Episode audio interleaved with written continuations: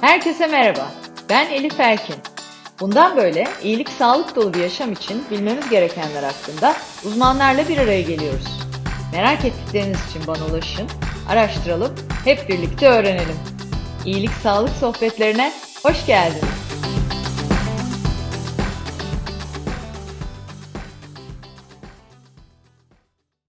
İyilik Sağlık Sohbetlerinin yeni bölümüyle karşınızdayım.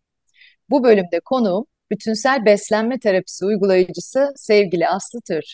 Sevgili Aslı, İyilik Sağlık Sohbetlerine hoş geldin. Hoş buldum. Teşekkür As ediyorum davetin için. Keyif bizim için. Merak ettiğimiz çok şey var. Umuyorum e, hepsini sığdırabiliriz soruların. Sığmazsa bir daha gelme sözünü şimdiden almış olayım. Tabii ki. Neden olmasın? Bütünsel beslenmeyi konuşacağız. E, ben bu sohbetle e, pek çoğumuzu beslenmeye bakış açısının değişeceğinden de eminim. Hani önden de bir teasing yapmış olayım. Başlamadan önce her zaman yaptığım gibi e, konumu bir tanıtmak isterim dinleyenlere. Aslı Tür, Amerika'nın önde gelen beslenme okullarından biri olan NTA tarafından tasdiklenmiş bir beslenme terapisi uygulayıcısı. Nutritional Therapy Practitioner diye geçiyor. Peki. Evet. Aynı zamanda Restorative Wellness Practitioner olarak eğitim alan Aslı, gastrointestinal sistem üzerine odaklanan fonksiyonel testlerin yorumlanmasında da yetkin olarak çalışıyor. Bu müthiş bir şey. Yani sorulara geçmek istemiyordum ama şimdi hı hı. E, gastrointestinal sistem, işte o bağırsak, yaşadıklarımız, yaşadıklarımızı çözümlemek için yaptırdığımız testler vesaire bir dünya. Bir de gerçekten hı hı. bunların yorumlanması da apayrı bir e, bilim, bilgi e, ve sanat gibi geliyor bana. Hani onu da e, konuşmak isterim seninle. Tabii. E, bu Restorative Wellness Practitioner ne demek? Belki ondan bir şimdiden bir bahsedebiliriz. Ee, evet aslında işte e, kendi içinde de e, anlamını verdiği gibi yani on, onarıcı bir sıhhate geri getirmek aslında sistemleri. Yani hani yanlışı e, doğru yapalım ya da bir şeyi tedavi edelim ya da işte bir hastalığı ortadan yok edelim gibi değil de bedenin zaten kendini sürekli ve devamlı tamir ettiğine ve onardığına e, kanaat getiren bir yaklaşımın bakış açısıyla yani öyle bir şemsiyenin altında bu onarıcı ortama geri biz nasıl bedeni dengeleriz. Evet, Aslında süper. yani hani e, düzeltiriz de değil. Çünkü hepimizin zaten beden hafızasında ya da bilgisinde, DNA'sında e, bu onarıcı ve dengeye getirici işte homeostasis diyoruz ona yani her sistemde aslında bir şeylerin böyle terazide birbirini e, bulduğu bir dengeye gelmesi gibi bir bilgeliği var. E, biz araya girdiğimizde ya da belli işte yaşam koşulları, beslenme şeyde, e, şekilleri vesaireler bizi ve özellikle temel beden sistemlerimizi dengeden çıkardığında oluşan e, semptomların bütününe zaten biz bir etiket bulup koyabiliyoruz. E, dolayısıyla o etiketin ne olduğundan ziyade o bedenin neden o tamirleri veya o dengelemeyi yapamadığını anlamaya yönelik bir çalışma gibi özetleyebilirim. Harika. Ee, şairin dediği gibi her şey sende gizli diyorsun aslında değil mi? Vücut evet. öyle bir e, yapı ki kendi kendini e, çözebilme, kendi derdine derman olabilmesi de mümkün doğru rehberlikle diye de evet. anlıyorum. Ee, yine Aslı'dan bahsetmeye devam edecek olursam önce Üsküdar Amerikan Lisesi sonra Koç Üniversitesi'nden mezun oluyor ve uzun yıllar İstanbul ve New York'ta danışmanlık ve araştırma analistliği yapıyor Aslı. Aynı zamanda da New York Baruch Üniversitesi'nde magna cum laude doğru okudum mu? Derecesiyle yüksek lisans programını tamamlıyor. Müthiş, çok başarılı gerçekten yaptığı e, her işte e, gerçek gıda kaynakları üzerinden şekillenen fonksiyonel bir beslenme yaklaşımına sahip olarak tanımlıyor kendini. Bağırsak ve evet. zihin sağlığı ilişkisi ki bu çok çok e, gündemimizde. Stres ve evet. hastalık bağı herkesin söylediği, bildiği, yaşadığı durum. Ekosistem, doğa, insan sağlığı bütünlüğü yine burada herhalde denge. E, evet. Sıklıkla evet. üzerinde çalıştığı konular. Ee, bir de e, Aslı atalarımızdan miras sofra geleneklerini bilimin sunduğu fonksiyonel araçlarla harmanlayarak hem yemekle ilişkilerimizi pekiştiriyor hem de süzgecinden yaşamı deneyimlediğimiz bedenlerimiz için optimum sıhhate ulaşmayı hedefliyor diye belki özetleyebiliriz yaptıklarını. Evet. evet. Harika. E, hepsi de e, hepimizin günlük hayatıyla ilgili e, konular ve çalışmalar. O yüzden heyecanlıyım. Şimdi hikayenin evet. en aslında başına e, dönerek başlamak isterim. E, tamam. tüm bu, bunlara merak sarma yani danışmanlık, Hı-hı. farklı bir e, profesyonel alan, hayat evet. alan sonrasında e, ilk kızının doğumuyla gelişen bir otoimmün hastalık e, ve bu hastalığın evet. sebeplerini araştırmaya başlamanla oluyor değil mi? İstersen senin ağzından dinleyelim. Nasıl Tabii. oldu, nasıl başladı bu serüven ve yolculuk? Evet yani e, aynen işte 15 yaşında olmak üzere şimdi kızım çok da zaman geçmiş üzerinden evet, e, evet. ona ona hamileliğim sırasında aslında böyle başlayan e, hani iki kere ikinin dört etmediği böyle bildiğimiz şeylerin aa böyle bildiğimiz gibi akmadığı bir süreçle aslında e, karşılaşmamla birazcık tetiklendi diyebilirim. E, bir araştırma, işte analiz vesaire zaten hani eğitimim benim işte hani Koç Üniversitesi'nde de sosyolojinin araştırma dalı e, üzerine lisans yapmıştım. Dolayısıyla hep zaten yani ortada olmayan bir şeyi arayıp bulma e, birazcık hani genetik de var herhalde yani bir merak zaten orada var. Dolayısıyla hani e, genel anlatıyı sorgulayan bir yapım hep vardı benim. E, yani bu böyledir, şu şöyledir'i kabul edip oturup sinip e, bununla yaşamak zorundayım gibi bir yerden aslında hani e, nispeten e, hep uzak yaşadım. Bu hamilelik sürecinde de işte atıyorum önce bir gebelik şekeri şeklinde sonra işte e, arkasından doğum sonrası geliştirdiğim otoimmün tiroid konusu ortaya çıktı. Dolayısıyla bunlar neden oluyor? Yani meraklı bir yapım olduğu için de e, bilginin de aslında aradığımız zaman çok bulabileceğimiz de bir e, teknolojik zamana da denk geldim çok şükür. Yani bundan 15 sene önce de öyleydi belki bundan 30-40 sene önce olsa böyle olmayacaktı.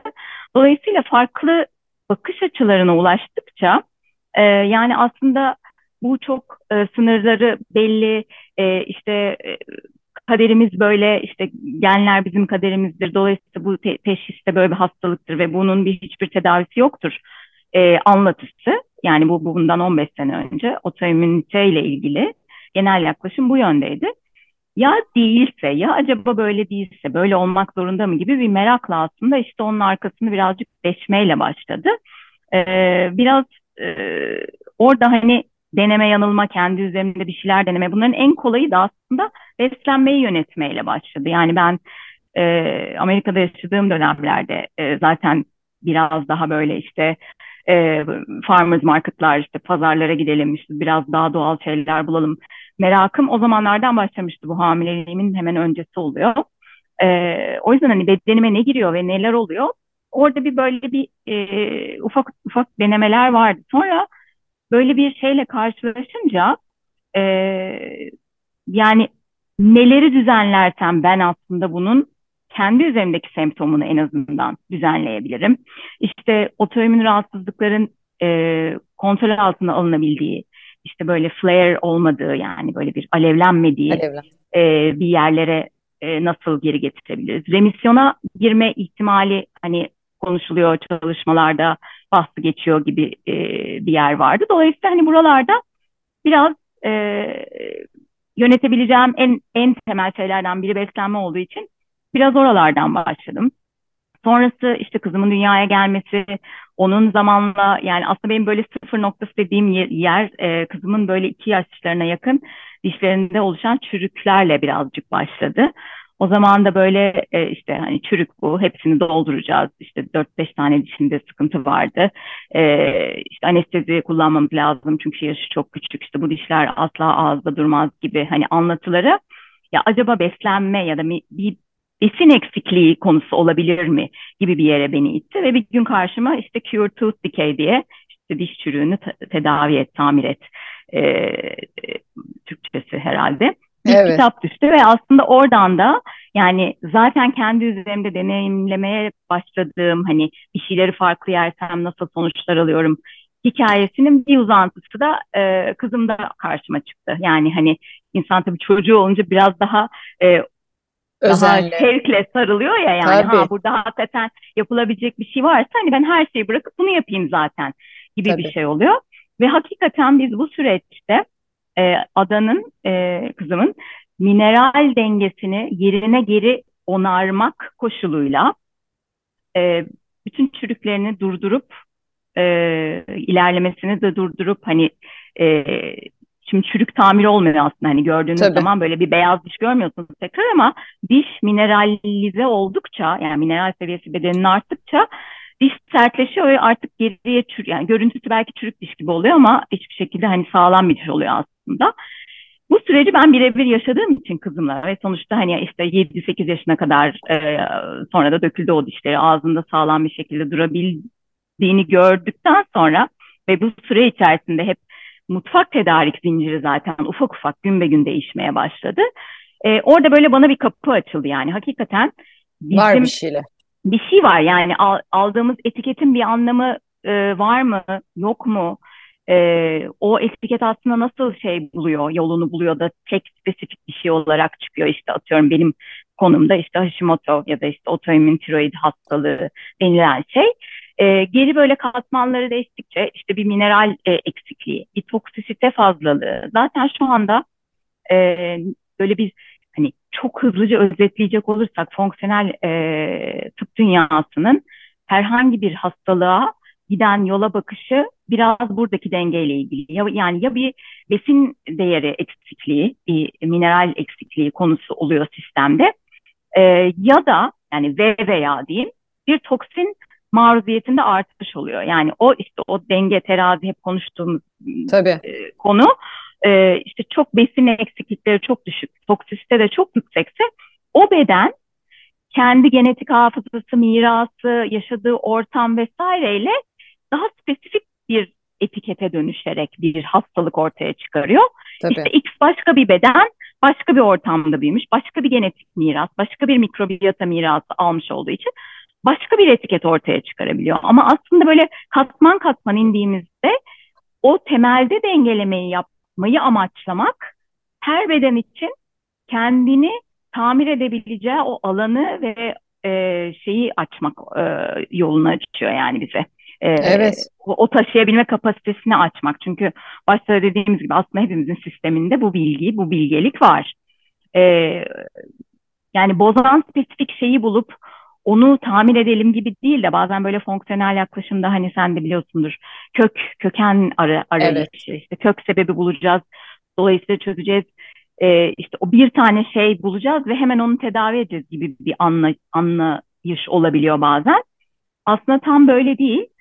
E, bu bazen yani hani moral bozucu da olabiliyor ama şöyle bir şey yani biz bütünsel olarak atıyorum doğduğumuz andan itibaren bizi şu ana getiren hayat seçimlerimiz, hayatımızdaki ilişkide olduğumuz insanlar, yaşadığımız ortamlar, ev mikrobiyataları, işte soluduğumuz hava, yediğimiz yiyecekler, e, ilişkilerimiz, e, iş hayatımız, Tabii. bütün hepsi aslında bir böyle hani e, şey Yunus ararsınız da hani evet. oluşturursunuz ya bir tane topaç o topaç gibi aslında hepsi belirliyor. Dolayısıyla orada tek bir şey bulup onu tamir edelim, tedavi edelim değil de bütün bunları biraz daha fabrika ayarlarına nasıl getirelim ki bedene o açıklığı verelim, o alanı verelim, o kapasiteyi geri kazandıralım. Kendi yolunu bulması için. Çünkü evet. her bedenin içinde kendi dengesini, kendi sıhhatini bulması için e, o bilgelik var. Evet, çok güzel anlattın. Yani çok da böyle e, büyük resim de gözümde canlandı. Hı hı. Şimdi tabii e, sen hani mütevazi yaklaşıyorsun o bilgi her yerde var diye ama e, ne kadar çok bilgi olsa da o kadar çok da bilgi kirliliği var. Ve bu evet. bilgi kirliliği içinde doğru bilgiyi sentezleyip bunu sonuca ulaştırmak tabii ki senin yaptığın gibi çok ciddi eğitimlerden, çok ciddi araştırmalardan geçiyor. Araştırmacı, gazeteci kimliğinin herhalde en çok işe yaradığı evet. e, alanı e, belki de bulmuşsun. E, bir de çok güzel bir cümle söyledin. Genler bizim kaderimiz diye bir yaklaşım vardı evvelden. Hı hı. Şimdi artık evet. epigenetik bilimi konuşuluyor. Evet. Tam saydığın gibi e, tek bir faktör yok hayatımızda. E, hadi bakalım bunu çözdük ve her şeyi de çözmüş olduk. Müthiş de bir e, 120 yıl bizi bekliyor diyebileceğimiz. e, evet. ben artık e, dinledikçe böyle uzmanlardan senin gibi görüyorum ki bu iş biraz puzzle çözmeye, biraz bulmacaya yaklaşır gibi yaklaşmaya da e, benziyor. E, evet. Çünkü e, çok fazla etkileyici faktör var. E, bir yandan seviniyorum çünkü aslında herkes çok güzel anlatıyor ve yapabileceğimiz e, önerilerle geliyor. Şimdi eminim senden de çok şey öğreneceğiz. Bir yandan da e, şaşırıyorum. Çünkü bunu belli ki çok uygulamıyoruz. Son dönemde hani rakamlara baktığımızda, istatistiklere baktığımızda otoimmün hastalıklarda çok ciddi artışlar da görüyoruz. Yani hı hı. E, bunun sebebi hani e, beslenme mi, işte hep konuştuğumuz o hormonların hayatımıza, hı hı. toksinlerin hayatımıza kontrolümüz dışında çok fazla girmesi mi bir soracağım soru sana. Bir de evet. hani e, bu, bunlarla birlikte e, nasıl yönetiriz? Yani en basitinden hep bir paranoyaya da dönüştü ya artık bizim için. Yani bir şey alıyoruz, doğal diye alıyoruz. Bu gerçekten doğal, organik diye alıyoruz. Organik mi? Bu sertifika güvenilir mi? Yani biz evet. böyle bir paranoya yaşamadan nasıl daha emin, nerelerden, e, ne yöntemle, e, ne bileyim işte sebzeyi mevsiminde ye gibi böyle bize vereceğim birkaç evet. en azından e, yönlendirme olursa e, not alalım. tamam. ee, evet yani son e, dönemde diyeceğim yani son yıllarda değil son 10 yıllarda aslında çok hızlı artan e, teşhisler, otoimmün teşhisler ya da kronik evet. e, kronik hastalık dediğimiz şeyler. Yani bundan 50 yıl önce, 100 yıl önce hani adı sanı hiç bilinmemiş şeyler neden şimdi var? Çünkü dünyamızda zaten o zamanlar adı sanı bilinmemiş işte sirkülasyonda olan e, çok fazla toksin var. Bunların hani şimdi mesela şöyle bir bilgi biliyoruz. Anne karnında daha plasentada 200'ü aşkın tanımı konmuş toksin olduğu ispatlanmış e, maddelere rastlıyoruz. Yani daha dünyaya gelmeden şu noktada zaten. Hani bebek dünyaya gelirken bunu evet. annesinden zaten miras almış oluyor ki biz bedenin bilgeliğinde zaten plasentaya müthiş filtreleyerek toksinleri bıraktığını da biliyoruz.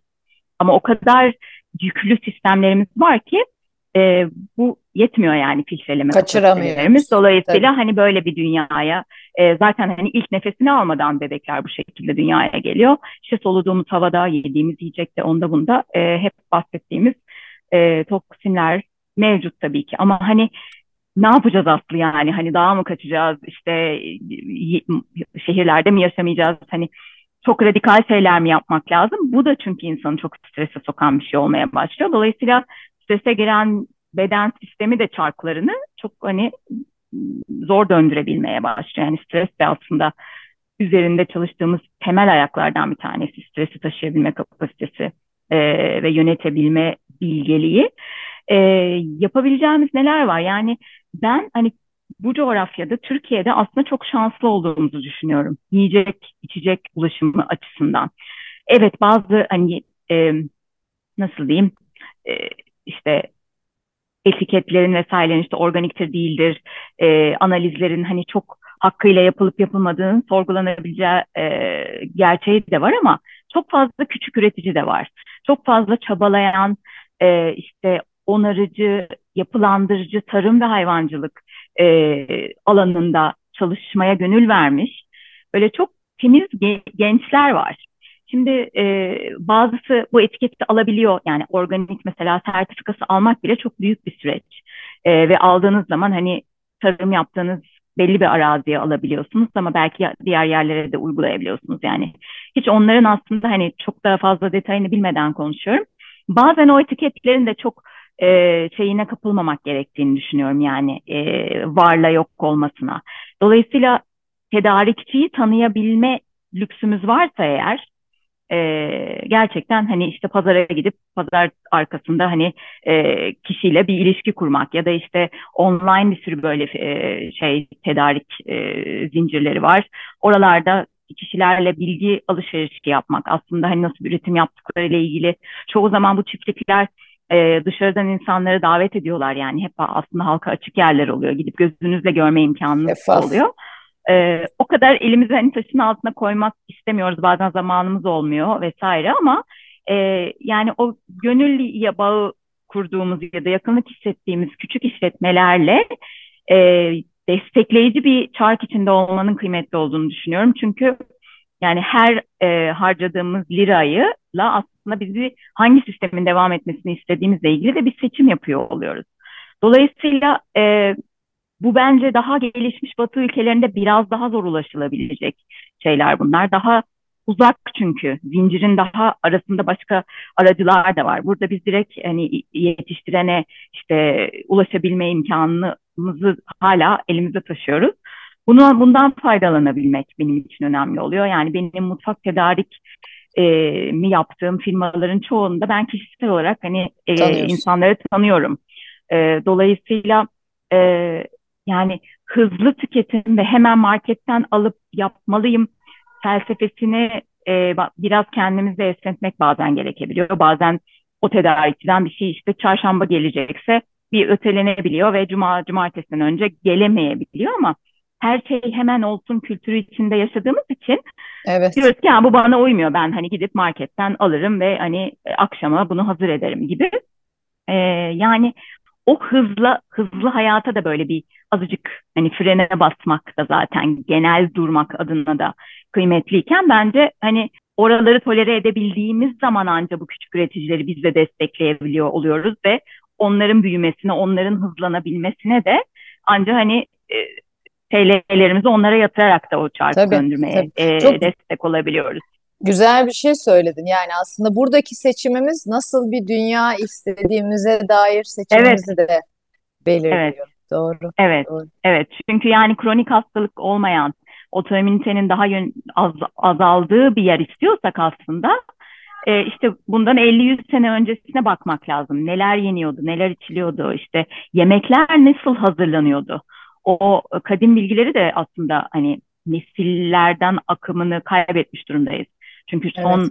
o 50-60 yıla bakarsan yani aslında değişim tarım devrimiyle e, başlıyor. E, ama endüstri devrimi falan da demeyeceğim. Yani son 50-60 yıldaki işte büyük e, gıda, büyük e, ilaç firmalarının ortaya çıkmasıyla çok büyük bir hız ve değişim ve dönüşüm var.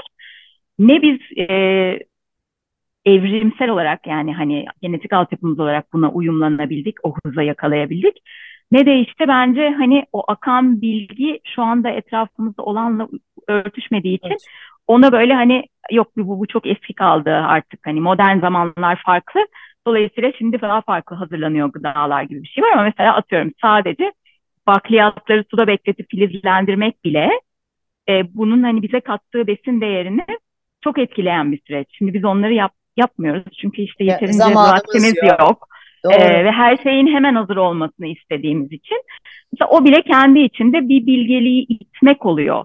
Halbuki Doğru. oraya baktığımızda orada ne, ne vardı biz nasıl uygulayalım dediğimizde biz hani bunu buluyoruz. İşte paleolitik beslenme dediğimiz yerde hep bu hazırlama şekillerini ya da işte belli gıdaları belli bir şeylerle e, birlikte tüketme şekillerini görebiliyoruz.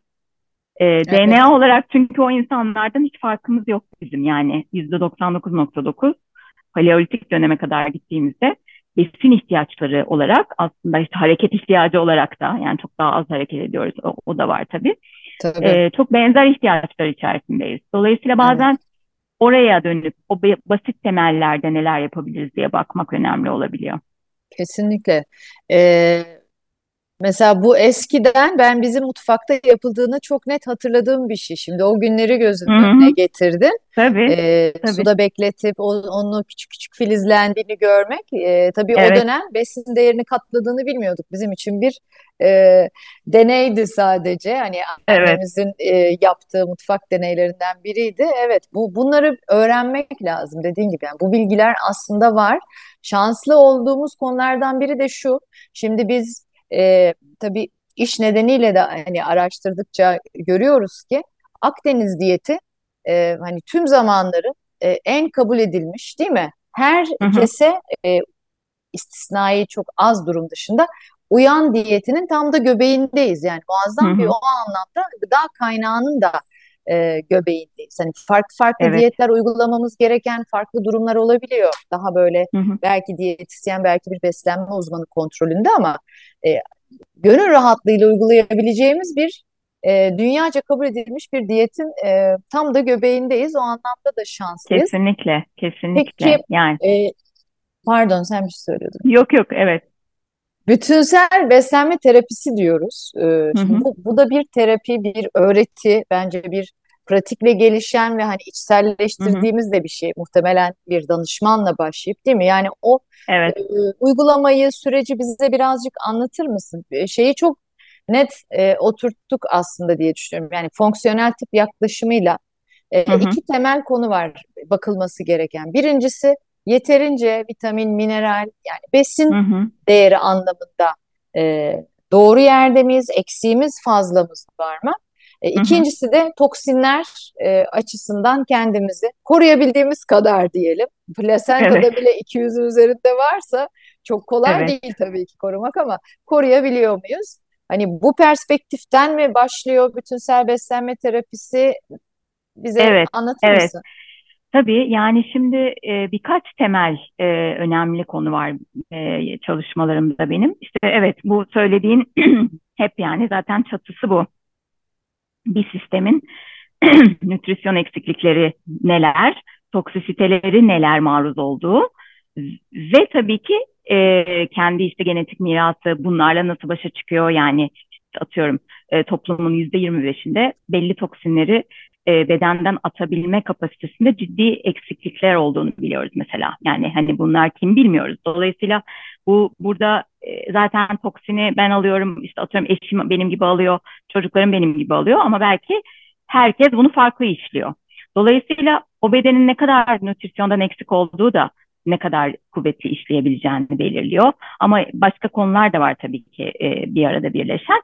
O yüzden biz beslenme terapisi dediğimiz alanda aslında temel beden sistemlerine bakıyoruz. Bunlardan en önemlisi yani benim de zaten gastrointestinal konuda e, odaklanmamı e, yol açan e, yerlerden bir tanesi sindirim sistemimiz.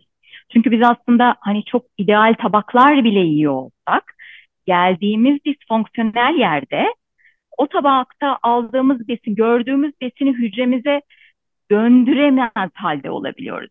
Ve bu nereden kaynaklanıyor? Ben hani birisiyle çalışmaya başladığımda onun temel sistemlerini önce değerlendirerek başlıyorum.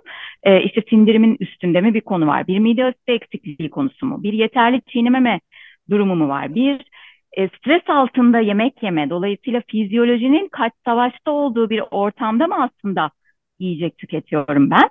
Yani bu ben kendimden bunu çok iyi biliyorum. İşte New York'ta çalıştığım işte araştırma şirketlerinde, işte danışmanlık şirketlerinde çalıştığım dönemler yani o işte beyaz yaka koşturması bilirsin. Yani iki blok arası böyle hani bir salata yediğim ya da bir toplantı karşısında bir şey yediğim ama nispeten sağlıklı bir şeyler yediğimi zannettiğim yıllar aslında bedenin yani sindirimin bir numaralı kuralı sindirim parasempatik bir süreç. Dolayısıyla ben sadece yemeğime odaklandığım bir nefes alabildiğim, başka şeylerden uzaklaşabildiğim, mümkünse hani telefonuma da bakmadığım falan bir ortamda bir 10 dakika sakin yemek yiyebiliyor muyum? Yani bu çok önemli bir yer. E, çünkü evet e, araştırma, evet araştırmalar şunu gösteriyor Elif. E, Aa, çok yani e, işte iki grubu e, yani biri kontrol grubu, biri çalışma grubu şeklinde e, aynı besinlerle besliyorlar ve sonuç şöyle bir şey ortaya çıkıyor. E, sadece yemekle ilgilenmeyip başka şeylerle ilgilenen ya da işte stres içinde olan grup tamamen aynı tabakları yemelerine rağmen yani daha fazla kalori almıyorlar, daha farklı şeyler yemiyorlar. E, yaklaşık yüzde on sekiz daha kilolu çıkabiliyorlar. Evet. Bu, burada çünkü şöyle bir şey oluyor yani bizim sindirim enzimlerimizin ve kimyasallarımızın salınımı beyinde başlıyor. Dolayısıyla aslında yüzde otuz, yüzde kırklık bir kısmı bu kimyasalların sefalik aşama dediğimiz daha yemek ağza girmeden önce başlıyor. Dolayısıyla ben farkındalığımı oraya vermediğim, başka şeylerin arasında yemek yediğim zaman zaten yüzde otuz kırklık bir kayıpla başlıyorum sisteme. Dolayısıyla onu ayrıştırmak, işte proteinleri, amino asitlere, yağları, yağ asitlerini böyle parçalayıp sonra o parçaladığım e, şeyleri yapı taşı olarak kullanmak kısmında bir böyle hani sekteye uğruyorum zaten. Dolayısıyla yediğimden fayda alamıyorum. Fayda alamadığımda o benim vücudumda dönüşemediğinde bazen hani toksik bir şeyler de içeriyorsa işte depolanmaya e, başlıyor. Bedenim çok akıllı olduğu için beni bu toksinlerden korumak için yağ dokuları oluşturmaya başlıyor. Ve toksinleri o yağ dokularının içinde hapsediyor. Dolaşıma gizip de hani beni hasta etmesin diye. Dolayısıyla hani ben böyle bir karın bölgemde yağlanma, kalçamda genişleme, böyle gitgide bir büyüme görüyorum ve diyorum ki işte kilo aldım, az yemeliyim vesaire. Geri saracak olursak sindirim önemli temellerden bir tanesi. Kan şekeri regülasyonu müthiş önemli. Çünkü biz kan şekeri zıplamaları yaşıyorsak eğer bedeni evet. çok stres altında tutuyoruz. İşte kortizol yükseliyor. Kortizol yükseldiğinde zaten enflamasyon kronik hale gelmeye başlıyor. Ee, ikinci bir alan bu burası. Hidrasyon çok önemli bir alan. Yeterince su içiyor muyum? İçtiğim suyu hücreme ulaştırabiliyor muyum? Yoksa ben günde 2 litre 3 litre su içiyorum ama zaten tuvaletten de mi çıkamıyorum? Dolayısıyla aslında onları yıkıyor muyum yani? E, mineral e, emilimi gerçekleştirebiliyor muyum? Yoksa mineral kaçağı mı yaşıyorum aksi e, yani bir durumda? Bütün bunları subjektif bir yerden değerlendirdiğim bir sürecim var benim. Bir Nutritional Assessment Questionnaire böyle 300 küsur soruluk bir anketle başlıyoruz. Bu global standart hani bütün nutritionistlerin kullandığı bir araç. E, semptom analizi üzerinden başlıyor. Yani senin gündelik sıkıntıların neler? Buradan başlıyoruz. Dolayısıyla objektif bir kan tablosu, objektif bir kan testi ya da başka bir test gibi bir yer değil. Kişinin belirttiği sıkıntılar üzerinden aslında hangi temel beden sistemleri dengelerinden uzaklaşmış görünüyor ve biz buraları işte fabrika ayarlarına getirmek için neler yapabiliriz? O temelleri nasıl baştan 101'inden başlayarak oturturuz. Böyle çalışmalar yapıyoruz. Günün sonunda çünkü bu bir e, klinik tabloya yansımış olsa da olmasa da bir disfonksiyon yoluna girmiş olabiliyor. Atıyorum işte kan şekeri e, konusu, regülasyonu. Belki kan tablosunda biz bir insülin direnci görmeye başlamadan 10 sene önce aslında bozulmaya başlıyor. Biz bunu semptomlardan anlayabiliyoruz. Atıyorum işte yemeklerden sonra uykulu hissetme hali, akşamüstü illa kahve içmek isteme hali, gece uykudan uyanıp böyle bir türlü uykuya geri dönememe hali. Bu tip semptomlar mesela bir kan şekeri regülasyonu konusuna işaret ediyor bizim için. Dolayısıyla orada bir sem bu semptomlar grubu ne demektirin bir okur yazarlığı var ve benim amacım kişinin kendi kendi bedeni ve sistemiyle ilgili bu okur yazarlığa gelmesi. Benim ona bir şey öğretmemden ziyade kendini bilir hale gelmesi ki biz zaten yani çalışmalar işte ortalama 8 randevuluk çalışıyorum ben. İşte ne kadar zaman sürerse 2 ayda sürebiliyor, 4 ayda sürebiliyor. Ama hani biz böyle bir şeye başladık, bir diyete başladık, diyeti bıraktık gibi bir arada bir alan değil. değil. Bu süreç içinde karşımdaki kişinin beden sistemlerinde ki o okur yazarlığı birlikte nasıl keşfederiz?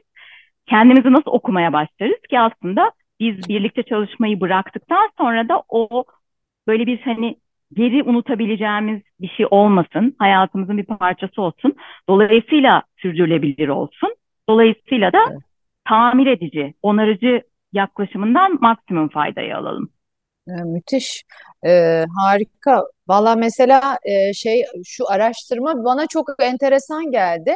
Yani evet. aynı kaloriyi alıp yüzde on sekiz daha evet. kilolu olması, hani stresin bir faktör olduğunu ve vücutta yağ tutmasına e, neden olduğunu biliyordum, okumuştum. Ama e, yediğine odaklanarak bile o enzimleri daha fazla çalıştırabilmek evet. yani artık yemekte telefonmuş işte televizyonmuş başka evet. şeylerle ilgilenmekmiş bitti evet. yani bununla bile fark yaratabileceğimizi anlıyorum yani. Evet sen. yani televizyon karşısında yemek yemek mesela hani bu hani çok böyle yapılan bir şey ya da çocuklara Tabii. bile hani iPad'i açıp koyuyoruz evet. küçük çocukların evet. önüne. Evet. Aslında ne yediğini bilmeden sistem ne hangi kimyasalları salgılaması gerektiğini de bilemiyor. Çünkü Tabii. ağzına gelecek şey biz gördüğümüzde kokusunu aldığımızda işte protein ağırlıklı mı yağ ağırlıklı mı bütün bu bilgi aslında gidiyor ve ona gidiyor. göre biz aslında bir kimyasal kokteyl salgılıyoruz. Yani yediğimiz Tabii. her yediğimiz yemeğe göre, ortama göre e, dolayısıyla mesela mutfakta vakit geçirmek, yemek hazırlamak, işte elimizi gıdaya değdirmek falan hani bunlar da çok terapik, e, iyileştirici evet. etkisi olabilen şeyler e, yani gıdadan uzaklaştığımız için de aslında hastalanıyoruz hani tırnak Tabii. içinde.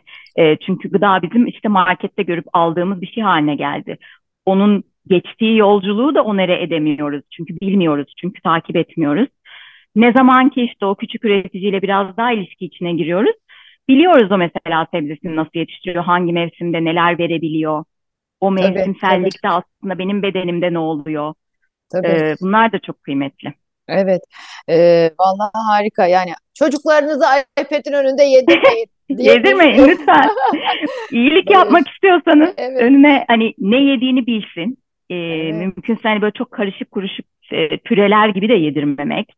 Evet. Yani işte brokoli mi yiyor, işte elma mı yiyor, Görerek muz yiyor. yesin. Bir şeylerin ayrı ayrı tadını e, bilmesi değerli. Yani ben hani büyük kızımda bunu kaçırdım biraz ama küçükte mesela bunu uyguladığımız için şimdi o da 9,5 yaşında onun gıda ile ilişkisinin çok farklı olduğunu görebiliyorum. Tam onu yani, soracaktım. Sen evet. yapabildin mi diye. Birinde yapıp evet. birinde yapmaman da iyi olmuş. Kontrol grubuyla çalışma grubu Aynen, gibi olmuş. öyle gibi oldu. Ee, ya aralarında beş buçuk yaş mı? var. Gerçekten farklı. farklı. Gerçekten farklı. Ee, tercihleri ve çeşit e, toleransı, oral tolerans diye bir şey var zaten hani şey dilinde. Evet. Yani ne kadar çok çeşitli toleransımız var ve aslında o oral tolerans e, çeşitliliği, yani genişliği çok iyi bir şey hani mikrobiyom zenginliği vesaire Tabii. içinde. Görerek ee, onu... yiyen e, Tabii de... brokolinin tadı nedir biliyor. Onu ben işte biraz daha az haşlandığında tercih ediyorum diyebiliyor mesela evet. 4 yaşında, 5 evet. yaşında. Bunun arasındaki farkı bile biliyor. İşte başka yerde yediğinde diyor ki biz evde bu kadar hani fazla pişmiş yemiyoruz ya da aa bu işte farklı hazırlanmış diyebiliyor evet. ama ha, yani o brokoli çorbasının içine cırtlanmış bir şekilde bu bilgiye sahip olamıyor çocuk. Brokoli nedir gördüğünde bu sefer ben bunu hiç istemem, yemiyorum, Yemem. istemem diyebiliyor. Vah, Brokoli vah, şey bir örnek vah, oldu ama. Diyorum yok güzel örnek oldu. Ee, biz de tam tam olarak yapmayın dediğin şekilde yedirerek büyüttük. Ve şimdi, yani, şimdi bazı şeylerin neden olduğunu da e, oturtmuş oldum şu an senin bu söylediğinle. Hı hı. Tabii ki iyi niyetle eminim şu an bunu yapan anneler de iyi Tabii niyetle ki. yapıyor. Çünkü sen her şeyi koyduğunda püre yapıp yedirdiğinde ona brokoli de yedirdim. Oh için rahat ediyor. Havuç da yedi, ha, patates evet. yedi, onu yedi, bunu yedi. Mutlu oluyorsun. Tek tek koysam hayatta yemezdi diye bir de kendine aferin diyorsun. Ya da evet. iPad'in önünde yediğinde löp löp götürüyor. Oh diyorsun. Yoksa hayatta yediremeyecektim. Daha az yiyecekti. Hepsini yedi. iyi bir şey yaptım zannediyorsun ama işte orta uzun evet. vadede müthiş bir bilgi bu. Ee, Valla duymayan kalmasın. Gerçekten çok yaptığım bir hatayı daha anne olarak e, yüzleşmiş oldum. Estağfurullah. Yani hepimiz Öğrenmiş yaptık oldum. bunları tabii ki. Evet, ee, evet. Bunlara hata demeyelim ama bence e, hani daha iyisini bildiğimizde onu yapmaya Tabii. başlamak gibi bir şey var ya yani annelikte Aynen. hep hani bir şey evet. yaparız ve daha iyisini öğrendiğimizde onu yapmaya devam ederiz. Yani orada da e, nesil olarak evet. da yani hani verdiğimiz emeklerin ben çok kıymetli olduğunu düşünüyorum ama e, işte buralardan geri adım atıp bir kere çocuğun özelliği yani hani kendine özgünlüğüne de sahip çıkabilmesi adına da kendi beden otoritesine de saygı duyabilmesi adına empoze ettiğimiz değil merak uyandırdığımız Seçti. bir ebeveynlik seçki e, nasıl geliyor kulağa yani bana güzel geliyor mesela. Hani tabii şimdi, tabii bana da çok çok evet. güzel çok daha anlamlı geliyor. Ee, bir şey daha söyledin o da çok kritik.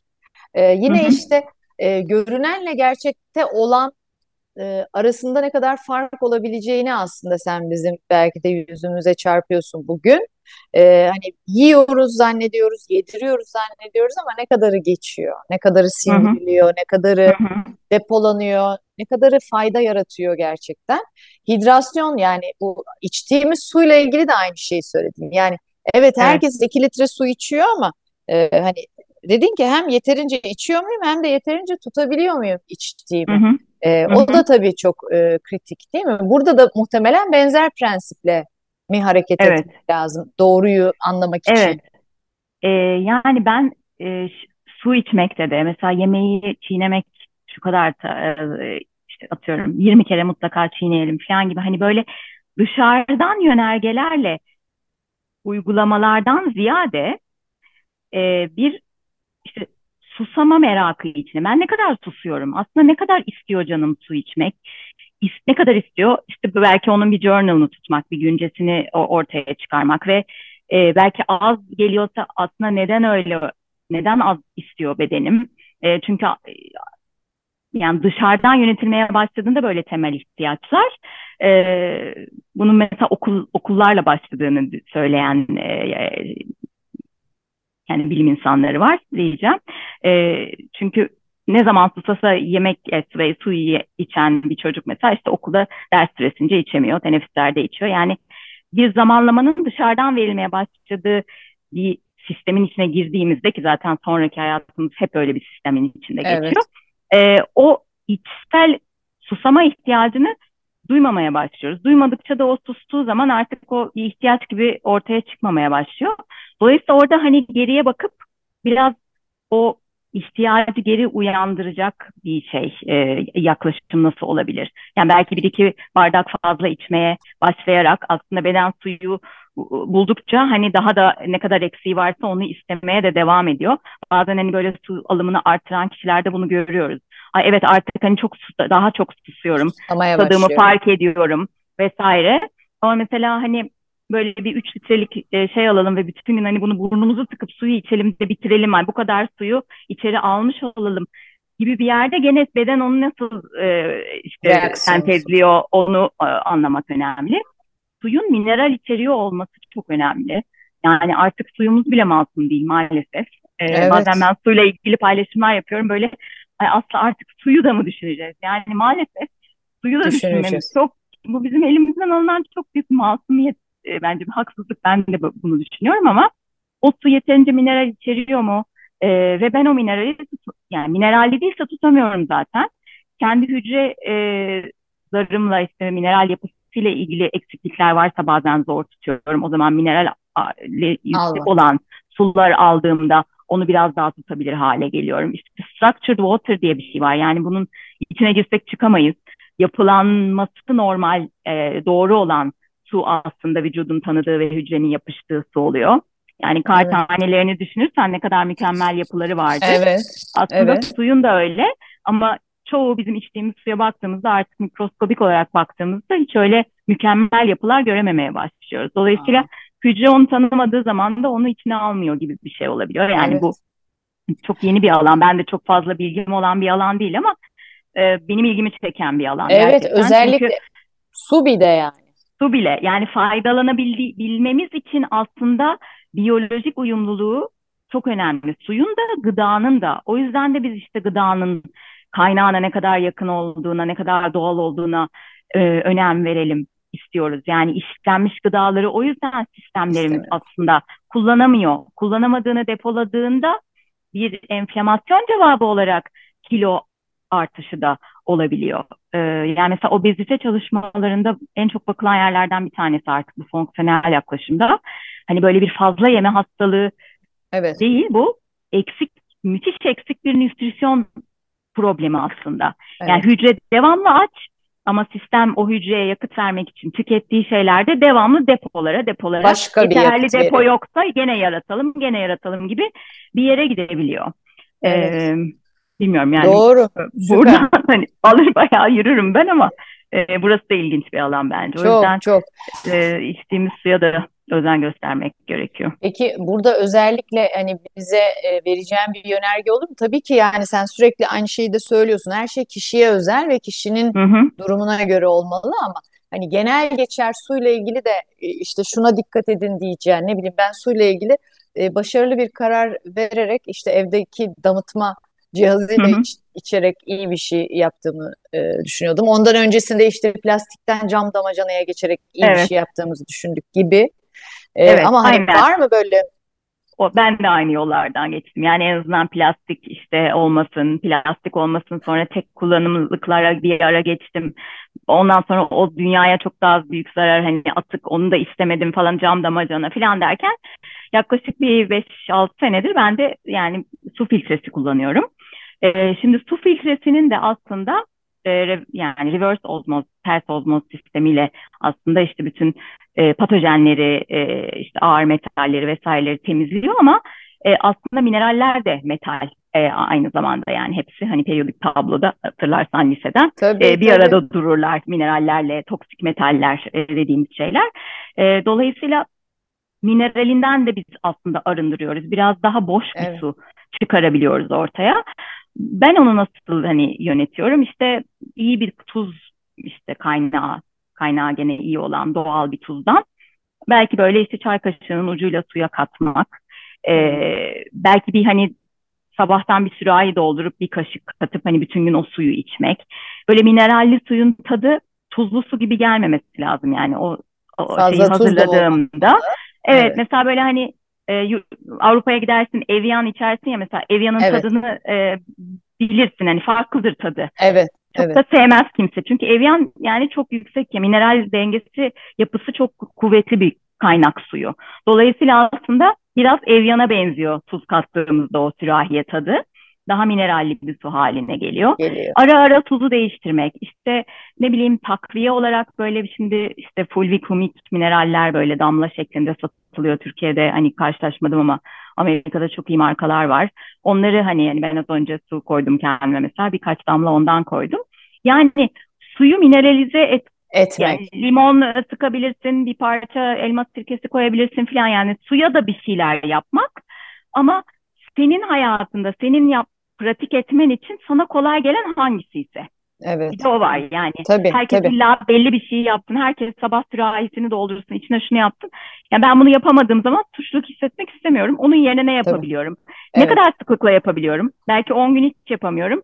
Bir gün aklıma geliyor yapıyorum. Hepsi kar. Tabii tabii doğru.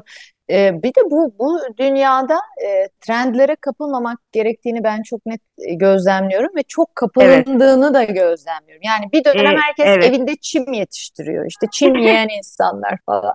Hani bir bir dönem e, işte limonlu su, bir dönem tarçın katalım, bir dönem onu yapalım.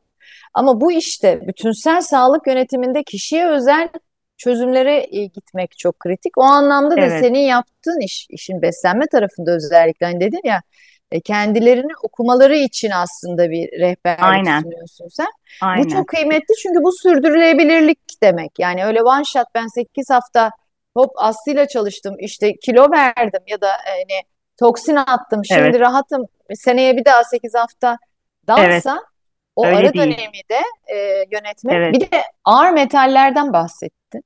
Şimdi bu Hı-hı. ağır metalleri de çok duyuyoruz. Ee, Hı-hı. E, bir de bu e, şöyle söylemler de var işte ağır metal yükünüz çok fazlaysa alnınızdaki yatay çizgiler de artar. Hani vücudumuzda bazı şeyler e, aslında yanlış beslenmeyi, o nütrisyon eksikliğini ya da fazlalığını da bize işaret eder. Hani sen de şey söylüyorsun yani belli semptomlar aslında kendini gösteriyor ve biz evet. ne kadar erken bunu yönetirsek klinik tablo bozulmadan daha bazı şeyleri çevirebiliriz dedin. Evet. İşte bu kaşlar ortasındaki kızgınlık çizgisiyle karaciğerin gerçekten Karaciğer, evet. e, bir ilişkisi var mı? Ne bileyim göz kenarlarında aşağı dönük çizgiler, evet. kalsiyum eksikliği mi? E, nedir? Burada bir, bize birazcık e, evet, e, yani misin? Tabii ki. E, şimdi aynen yani bu beden bir şeylerin dışa vurumu aslında. E, yani her gün ve yeniden aslında biz yediklerimizle, içtiklerimizle, yaşadıklarımızla e, sadece fiziksel e, varlıklar da değiliz. Her neyse hani enerjetik bir yapımız da var.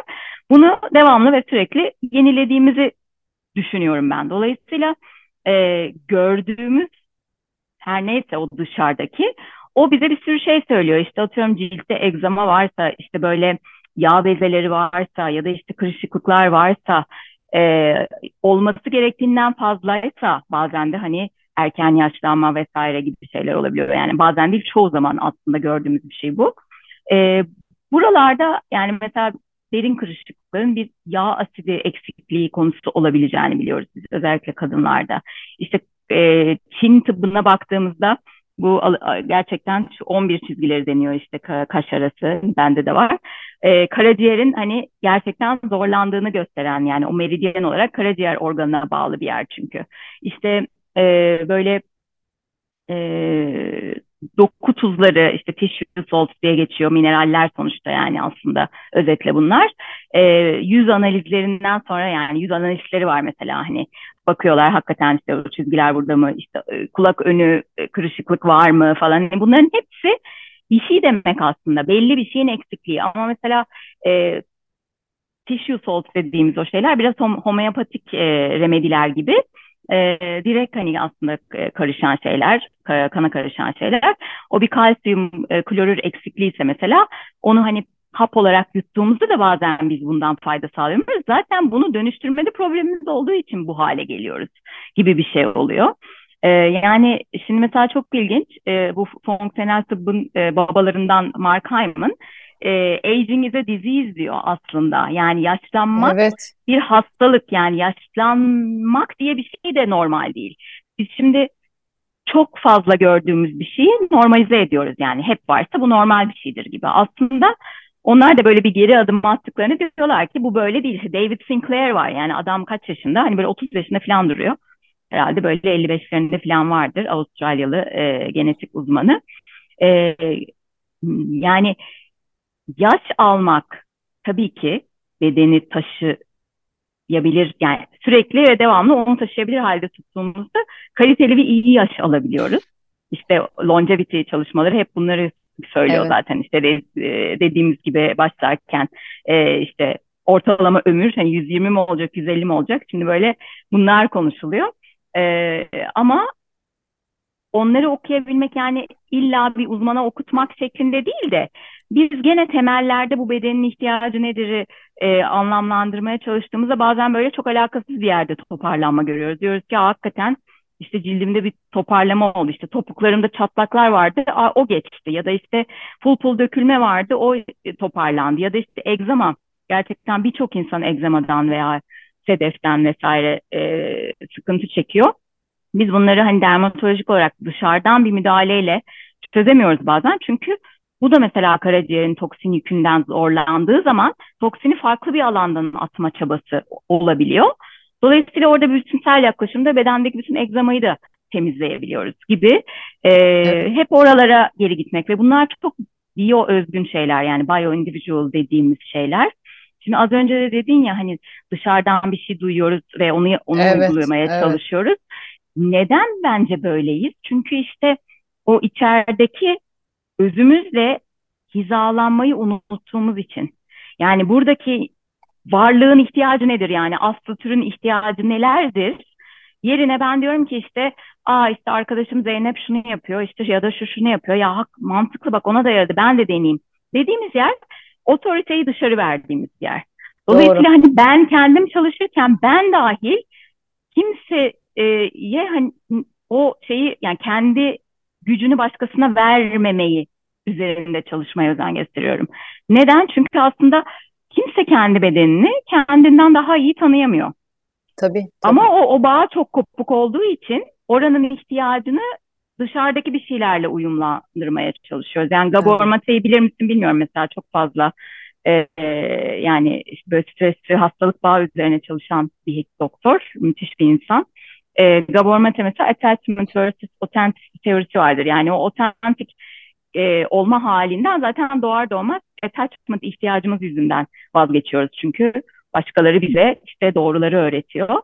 E, orayı duyabilmek de çok önemli bir hayatta kalma ihtiyacı gibi anlatıyor.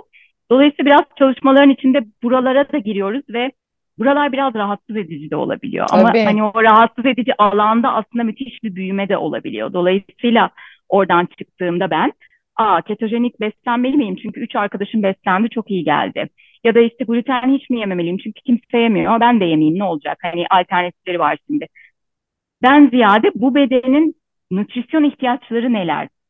Ee, bir şeyleri uzaklaştırmaktan ziyade ihtiyaçlarını vermeye yönelik bir mind shift de gerekiyor bazen. Yani orada Tabii. çünkü hep bir şeyler yanlış fazla aman onu tükaka falan dediğimiz elimine yerden, edeyim.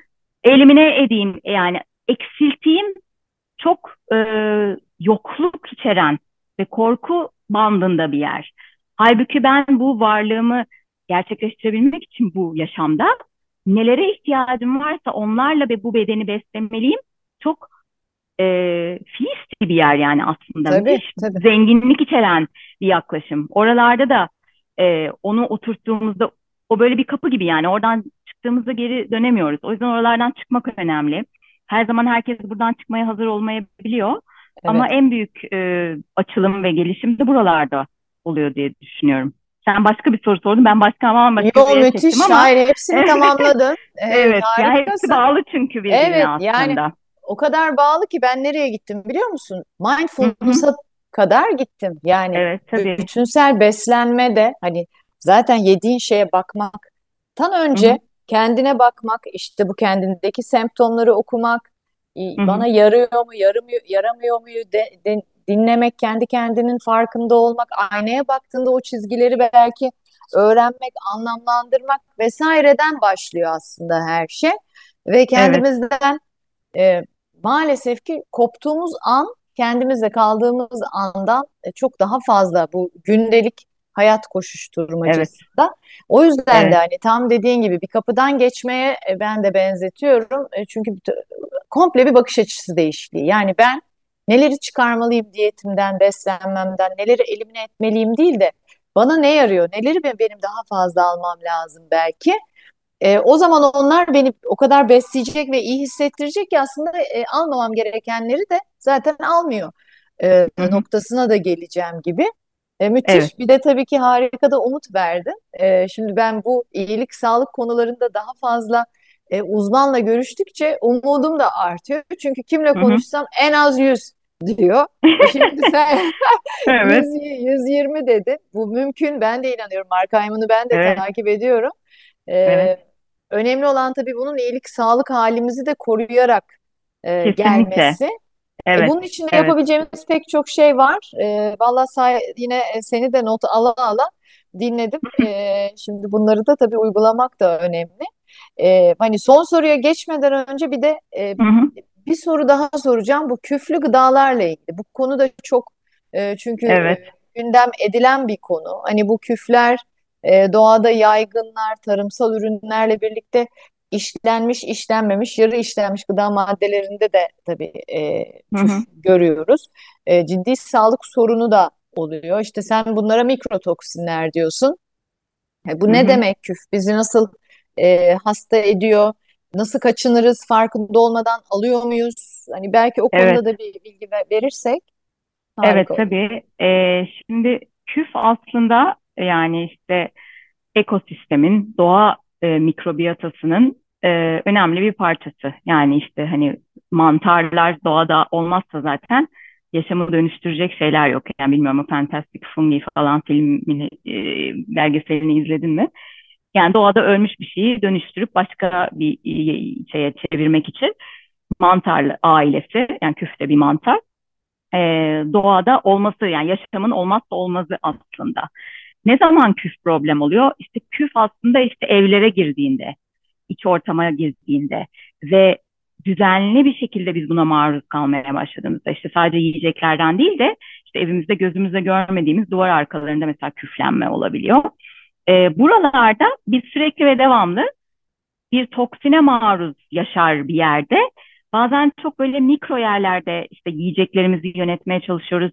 Ee, başka türlü hani işte eliminasyonlar onlar bunlar böyle çok büyük çaba sarf ettiğimiz bir yerde bazen böyle gözümüzün e, görmediği, içinde yaşadığımız ortamın bize sürekli ve devamlı verdiği toksinler olabiliyor. Nikotoksinler, nikotoksinler küfün ürettiği e, yani biyotoksinler diyelim yani küf mantarının aslında atıkları gibi.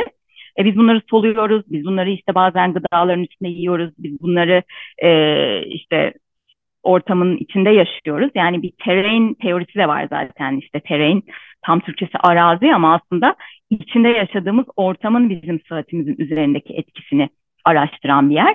Neden? Çünkü atıyorum yani işte bir birisi e, grip oluyor ve çok kötü hastalanıyor.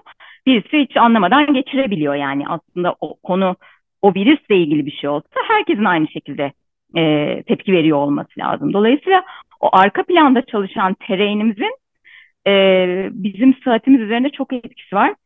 Nikotoksin konusu çok büyük bir konu. E, bence yeterince çalışmıyoruz, yeterince bilmiyoruz. Bilmiyoruz kesinlikle. Ben ee, yani şu an tetkik etme. Evet. Öğreniyorum evet. sen. Hatta ee, mikroto yani, mikrotoksin Evet, yok miko, e, mycotoxin illness diye bir şey var bir kere yani bir adı var artık. Hani ad, adlar ve etiketler çok hani üzerinde durmayalım dediğimiz şeyler ama işte kümülatif bir korkunç toksin yükü anlamına ve sürekli yani beden bunu aldığında ve bunu aslında atamadığında drenaj kanalları vesaireler üzerinde çalışmak gerekiyor bazen. O drenaj kanalları yani dışarı atım kanallarımız yeterince açık olmadığında e, sürekli ve devamlı zaten bedende durdukları yerde toksin üretmeye devam ediyorlar. E, işte az önce bahsettiğim yani böyle bir istatistik var. E, dünya toplumunun yüzde 25'inde işte bir HLA-DR geni e, olduğu düşünülüyor ve bu insanlar zaten bu mikotoksinleri bağışıklık sistemleri onları toksin ve yabancı madde olarak belirleyip dışarı atmıyor dahi. Dolayısıyla eğer bu gruptaysak bunlardan Kalıyor. çok daha fazla etkileniyoruz ve e, işte atıyorum böyle dormant uyuyan e, virüsler hepimizin vücudunda var işte EBV'ler vesaireler e, Lyme mesela hani büyük e, şeyler bunlar yani aslında herkesin Lyme'a bir şekilde zaman içinde e, e, bir araya geldiğini düşünüyoruz ama kimler bundan etkileniyor? İşte bu şey bulutları, toksin bulutları çok daha yüksek olan ve genetik miras olarak da işte mikrobiyata çeşitliliği de aslında kuvvetli bir immün cevabı vermemizi sağlayan şeyler. Burada da çok fakirleştiğimizde işte perfect storm dediğimiz şey olmaya başlıyor. Ve o zaman işte o hastalığın spesifik olarak ne olduğu değil, onun arkasındaki o toksin yönetimine gene işte temeline biraz daha inmek gerekiyor. Burası biraz daha kompleks bir çalışma. Yani bazen Tabii. çünkü e, atıyorum işte 10 kişiden ikisinde biz o temelleri dengeleyerek istediğimiz veriyi alamayabiliyoruz. O zaman orada o iki kişinin ortamında ne vara bakmak gerekiyor hakikaten. Aa benim işte banyomda şu köşede hep siyah bir küf var belki 10 yıldır var filan mesela gibi bir şey oluyor. Ee, ve biz bunu mesela rutubetli ortamda kalmayı evet. daha astımsal, daha solunumsal sıkıntılar olarak e, kodladığımız bir şey. Ama illa böyle olmuyor. Yani bambaşka sıkıntılar da aslında nikotoksinlerden tetiklenerek ortaya çıkabiliyor. Ee, Türkiye'de benim bildiğim kadarıyla, yani buradan da hani dinleyenlere şey yapmış olalım, nikotoksin belirleyici e, fonksiyonel testler yapılmıyor. Amerika'da işte toxic burden panelleri var, işte environmental toksinler, işte glifosat vesaire gibi bunların hani tetkik e, tetkini yapan firmalar var. Bunları bilmek işte organik asit testleri var vesaire yani idrardan yapılan hani gerçekten o atıkta hani sistemin de nasıl bunları temizleyebile ne oranda temizleyebildiğini belirleyen Dolayısıyla o fonksiyonel testlerle ve işte e, kişinin semptomlarıyla birleştirdiğimizde bazen böyle işte etiketi olan bir hastalığı da ortadan kaldırabiliyoruz. Yani e, Demek mesela, bu yüzdenmiş. Daha evet, net görüyorsunuz. Evet yani e, işte multiple skleroz hastalığı mesela bir otoimmün bir hastalık, e, nörolojik bir otoimmün rahatsızlığı. E, neredeyse hani çoğu zaman diyeceğim artık yapılan çalışmalarda bunun bir hani aslında bel, belirgin olmayan bir Lyme hastalığı olduğu ortaya çıkabiliyor. Yani Lyme çünkü e, the great imitator deniyor ona da. Yani birçok hastalığı taklit ediyor. Taklit Dolayısıyla hani şeyi nörolojik e, yapıyı bozduğu için işte multiple skleroz olarak düşünülüyor ama aslında o bakterinin e, sinir sisteminde yaptığı bir tahribat olabiliyor. Bazen onu tedavi edebildiğinizde tamamen o semptomları ortadan kaldırabiliyorsunuz. İşte bu alanda çalışan hekimlerin mesela Lyme olduğu ortamda mol toksisitliği görmedikleri yani hiç yüzde yüz gördüklerini daha doğrusu söyleyen hekimler var. Yani görmedikleri hiçbir vaka olmadığını söyleyen hekimler hmm. var. Dolayısıyla burada da işte öyle arkada çalışan o bulutu da anlamaya çalışmak e, ve oralarda neler yapabiliriz. Özellikle de genetik olarak toksin atma kanalları daha eksik, yavaş çalışan bir yapıya sahipsek, yani bunların da hani testleri yok değil ama çok zor yapılıyor Türkiye'de diyebiliyorum. İlla da bunların testlerini de bilmek gerekmiyor. Eğer hani e, birçok modalite denediyseniz ve zaten e, cevap alamadıysanız bir adımı geriye gidip biraz daha işte büyük resme bakmaya çalışmak ve orada ne oluyor? İşte evin ortamında ne oluyor? Yani evlerde de bu e, küflerin bu kadar artmasının sebebi e, bizim aslında evlerin de mikrobiyotası var. Yani hani biz şimdi böyle probiyotiklerle kendi bağırsak floramız ve mikrobiyotamız üzerinde artık çok da iyi yeni nesil probiyotiklerle çalışmalar yapabiliyoruz. Ama e, orada iyi bakteriler, kötü bakteriler dengesinde bir e, dengesizlik olmaya başladığında kötüler tabii ki daha çok e, çoğalabiliyor. Bu nasıl insan bağırsak sisteminde böyleyse evlerde de bu böyle. E, işte çok fazla antibiyotikli boya kullanıyoruz vesaire vesaire ya da işte çok fazla temizlik malzemeleri öldürmeye yönelik çamaşır suları vesaireler kullandığımızda ortamın florasını, ortamın dengesini de birazcık bozmaya başlıyoruz. Yani bu alanda da çok güzel çalışmalar yapan bilim insanları var. Neler yapılabilir e, evlerimizi de daha zenginleştirmek için. Hani bunlar da bence yakında duyacağımız şeyler olacak. Ee, evet harika bilgiler. Sonuç itibariyle yani sadece kendi bedenimiz de değil, bedenimizin bulunduğu ortamda e, Evet, ve farkında olmadığımız dediğin gibi çoğumuzun e, belki de evinin bir köşesinde bir rutubet e, hikayesi vardır. E, evet. hani bunların aslında önemsenmeyecek şeyler olmadığını da e, anlamış olduk. Ben e, MS'in Lyme hastalığı yani bu Lyme e, kene ısırmasıyla oluşan Evet, hastalık değil mi? e, ö- öyle biliniyor ama aslında kene e, şimdi mesela yeni bilgiler işte sivrisinek ısırığından da geçebileceğini, e, hani bir kene e, sanırım Lyme hastalarının ortalama yüzde yirmi otuzunda o hani kenenin ısırdığı ve o kırmızı izi hatırlayan e, kişilerin oranı bu, yaklaşık böyle hani gerisinin e, konjenital geçebilen, anneden bebeğe geçebilen bir şey olduğunu biliyoruz. İşte cinsel yolla geçtiğini biliyoruz. Ee, ama işte kimi etkileyeceğini, kimi etkilemeyeceğini neler belirliyor kısmı biraz daha e, Evet, gri, gri bir alan şu anda. Ee, ama hani böyle yavaş yavaş orada da ayırıp e, düzenleyip gerçekten ne olduğunu görebilme e, yoluna gidecek çalışmalar yapılıyor diye düşünüyorum. Çok da kıymetli buluyorum hepsini.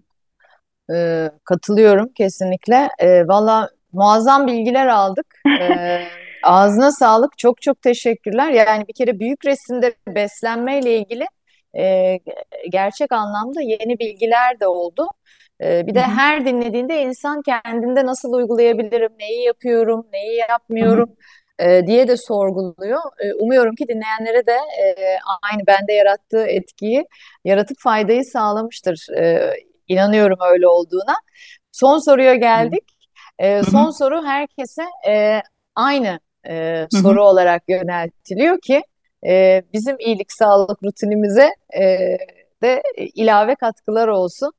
E, onun hı, için ben e, çok güzel senden tüyolar, bilgiler aldık ama senin e, aslı tür olarak iyilik hı hı. sağlık rutinini merak ediyorum. Sen neler yapıyorsun? Olmazsa olmazların neler? Evet, e, benim olmazsa olmazım kendim için. Çünkü kendi e, hani nispeten zayıf sistemim bu olduğunu süreç içinde keşfettiğim için hep o sindirim sistemime bir tık daha fazla e, bakım vermek diyeceğim. Dolayısıyla işte o az önce bahsettiğim parasempatik e, bir ortamda yemek yeme hali benim kendim için gün boyu mutlaka önceliklendirmeye çalıştığım bir şey. Yani böyle sabah çocuklarla çok koşturma içinde bir kahvaltı e, mesela yıllarca öyle yaptım. Sonra bir gün dedim ki hayır artık hani ben o koşturma bittikten sonra kendime bu alanı bir 10 dakikada olsa ayırarak yapacağım. Bu benim hayatımda mesela önemli e, bir gelişme oldu yani geri dönüşü. Çünkü beden aslında ihtiyacı olan şey e, ne olduğunu bulduğunda orada işte o e, dengelenme alanını da açıyor oluyor. Benim için o yüzden yemeği nasıl yediğim yani ne yediğimden nispeten daha önemli. Evet ne yediğim tabii ki yıllardır hani çok e, rafine ettiğim bir süreç oldu. İşte 15 yıldır zaten bu konuların içinde olduğum için ama e, bu bir. E, ikincisi de güne iyi bir kahvaltıyla başlamak benim için. Günün gerisinde çünkü enerji şeyimi, e, seviyemi çok stabil tutabildiği için önem verdiğim e, rutinlerimden bir tanesi. Mutlaka gün ışığı. Yani böyle arkadaşlarım dalga geçiyordu. Ben Covid olmuştum. Güneşleniyordum falan böyle. Çünkü hani e, hakikaten o oradan gelen şeye de çok inanıyorum. Yani sabah erken saatlerde e, güneşe bakabilmek bunlar da hani çok kıymetli şeyler. E, ve çok hani kısa ve öz de olsa böyle normal sabah rutinlerimizde işte yüzümüzü yıkıyoruz, dişimizi fırçalıyoruz. Ufak tefek böyle lenf drenajı için eklediğim şeyler var. İşte kuru fırça olabilir, işte dil sıyırma olabilir, e, oil pulling dediğimiz yağ ile hani ağız içi temizliği olabilir. Çünkü işte floranın zaten ağızdan başladığını biliyoruz. Bunları da ben mesela herkese mutlaka yapın şeklinde söylemiyorum. Atıyorum hani aynı zamanda duş yaparken bir yandan da yağ çekebiliyor musunuz? Yani hayatınızın içine alabildiğiniz rutinler mi, değil mi? Hangileri Bakın. öyleyse onları alın. E, hepsini yapmak zorunda değiliz.